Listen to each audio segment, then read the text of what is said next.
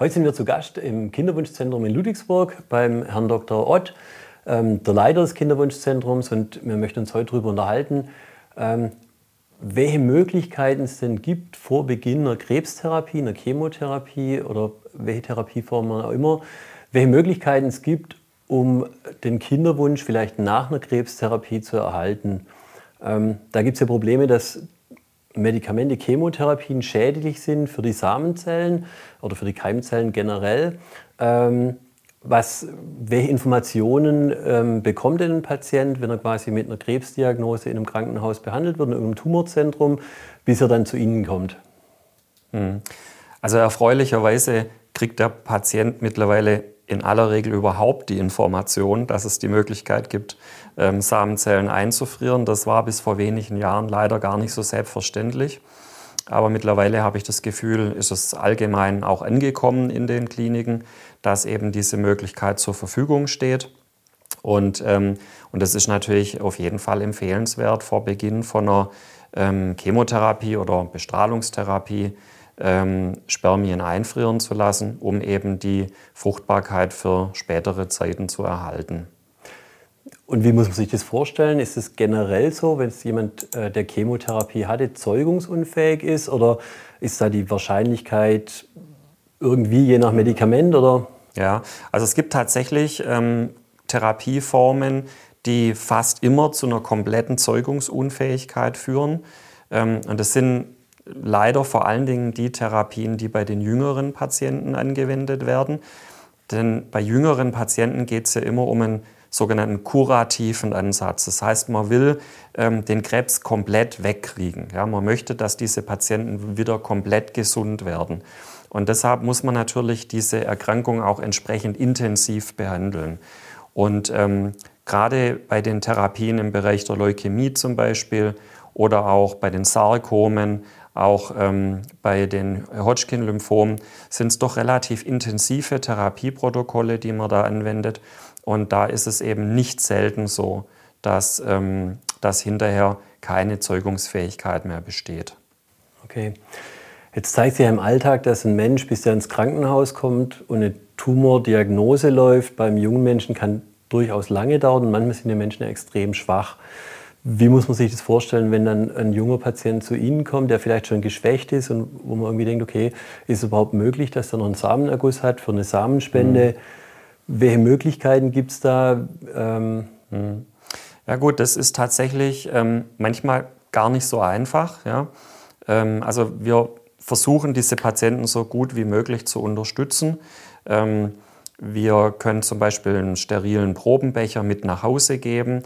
Die Patienten können die Probe dann zu Hause gewinnen und innerhalb einer angemessenen Zeit, man sagt so halbe Stunde bis Stunde, die Probe dann zu uns zu bringen oder bringen zu lassen. Ähm, das reicht dann bei Samenzellen immer noch aus, um, um die dann äh, immer noch einfrieren zu können. Wir haben hier einen speziellen Spenderaum, wo sich ein Patient auch zurückziehen kann und in aller Ruhe eben versuchen kann, diese ähm, diese Samenprobe dann zu gewinnen und dann abzugeben im Labor. Und wir haben für ganz schwierige Fälle auch noch diverse andere Möglichkeiten, wie man diesen Patienten helfen kann, dass sie eben doch noch eine Samenprobe abgeben können. Und welche Möglichkeiten gibt es, wenn man einfach merkt, okay, auf einem normalen Weg ist eine Erektion, ein Samenerguss gar nicht mehr möglich? Gibt es da eine Option, wenn einfach ein Mensch sehr schwach ist oder einfach durch die Therapie oder mich die Therapie durch die Krankheit schon so mhm. geschwächt? Ja, also es gibt ein ähm, spezielles Medizingeräteprodukt. Das ist, kann man sich so vorstellen wie so eine Art Stimulator, ähm, den man an den Penis halten kann. Und da, dadurch wird ein ähm, Reflex ausgelöst. Und mit diesem, mit diesem Reflex kann man sozusagen auch bei Patienten noch eine Ejakulation hervorrufen, ähm, die das auf so normalem Wege nicht mehr schaffen. Und ähm, mit diesem kleinen Hilfsmittel können sogar Rollstuhlfahrer, die mit einer Querschnittslähmung im Rollstuhl sitzen, eine Ejakulation haben, obwohl das auf normalem Wege eben überhaupt nicht geht. Wir haben so ein Gerät da, und stellen das den Patienten dann bei Bedarf auch zur Verfügung. Also das ist eine Möglichkeit, wie man manchmal noch an eine Samenprobe rankommt, obwohl es eigentlich äh, auf normalem Wege fast nicht mehr möglich ist. Und dann steht uns natürlich noch ein operatives Verfahren zur Verfügung, die sogenannte These oder MESA. ähm, womit dann in ganz schwierigen Fällen eben immer noch Spermien gewonnen werden können. Konkret handelt es sich dabei um einen kleinen operativen Eingriff am Hoden.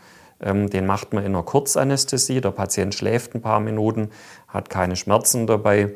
Und es wird dann ähm, ganz vorsichtig aus dem Nebenhoden oder aus dem Hoden selber eine Gewebeprobe entnommen. Die Probe wird dann im Labor analysiert und wenn Spermien da sind, können eben diese Spermien eingefroren werden. Ja.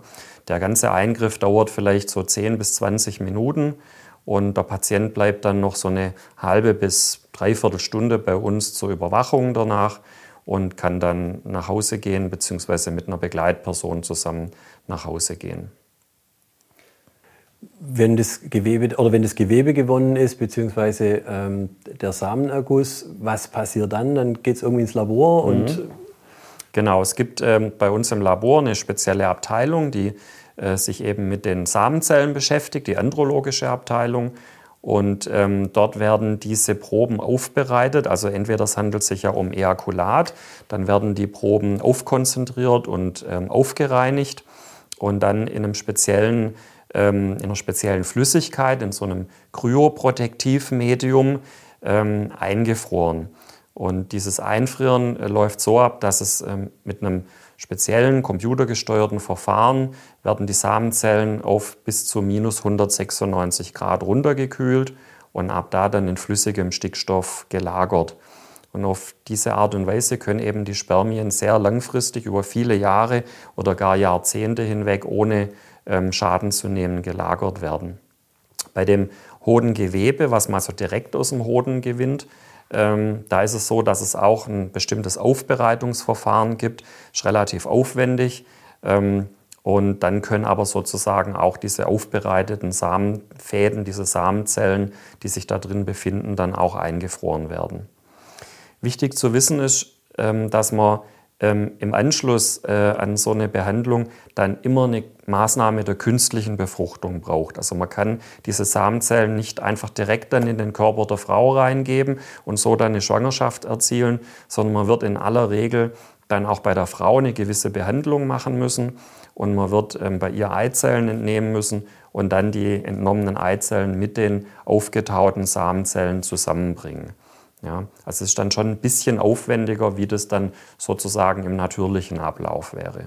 Aber grundsätzlich gibt es für viele Menschen vor einer Chemotherapie, bei den Männern jetzt eine, eine Möglichkeit, quasi Fruchtbarkeit, Zeugungsfähigkeit zu erhalten, um dann nach einer Chemotherapie, nach einer Krebsbehandlung ähm, schon auch einen Kinderwunsch möglicherweise zu erfüllen. Ja, also erfreulicherweise ist es bei fast jedem Patient heutzutage möglich, ähm, entsprechend dann Samenzellen einzufrieren.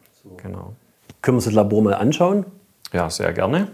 Also jetzt sind wir hier gerade ins Labor reingekommen, wo wir genau das anschauen können, was wir vorher besprochen haben, wo die Eizellen und die Spermien gelagert werden, aber auch wo die Befruchtung stattfindet.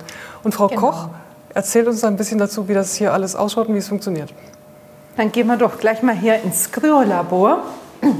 Hier haben wir nämlich die, hier wurden die eingefrorenen Spermien und Eizellen gelagert in Flüssigstickstoff. Die sind dann in so verschiedenen Goblets drin, farblich markiert und auf unseren Protokollen steht dann auch alles dokumentiert, dass man das leicht finden. Dann hier haben wir jetzt zum Beispiel so ein Einfriergerät, da friert man die Spermien ein, da werden die kontrolliert, äh, dann über ca. 30 Minuten dauert das Programm, kontrolliert abgesenkt. Für die Eizellen brauchen wir das Gerät nicht, die werden nämlich mit einer anderen Methode eingefroren, die Vitrifikation, das ist so ein Schockgefrieren. Mhm. Da kommen die. Da haben wir äh, vorhin gerade ein bisschen drüber gesprochen. Ja, ja. genau. Das geht dann, ist ein bisschen aufwendiger, braucht auch Erfahrung und ja, ja, ja. Mhm. ja genau.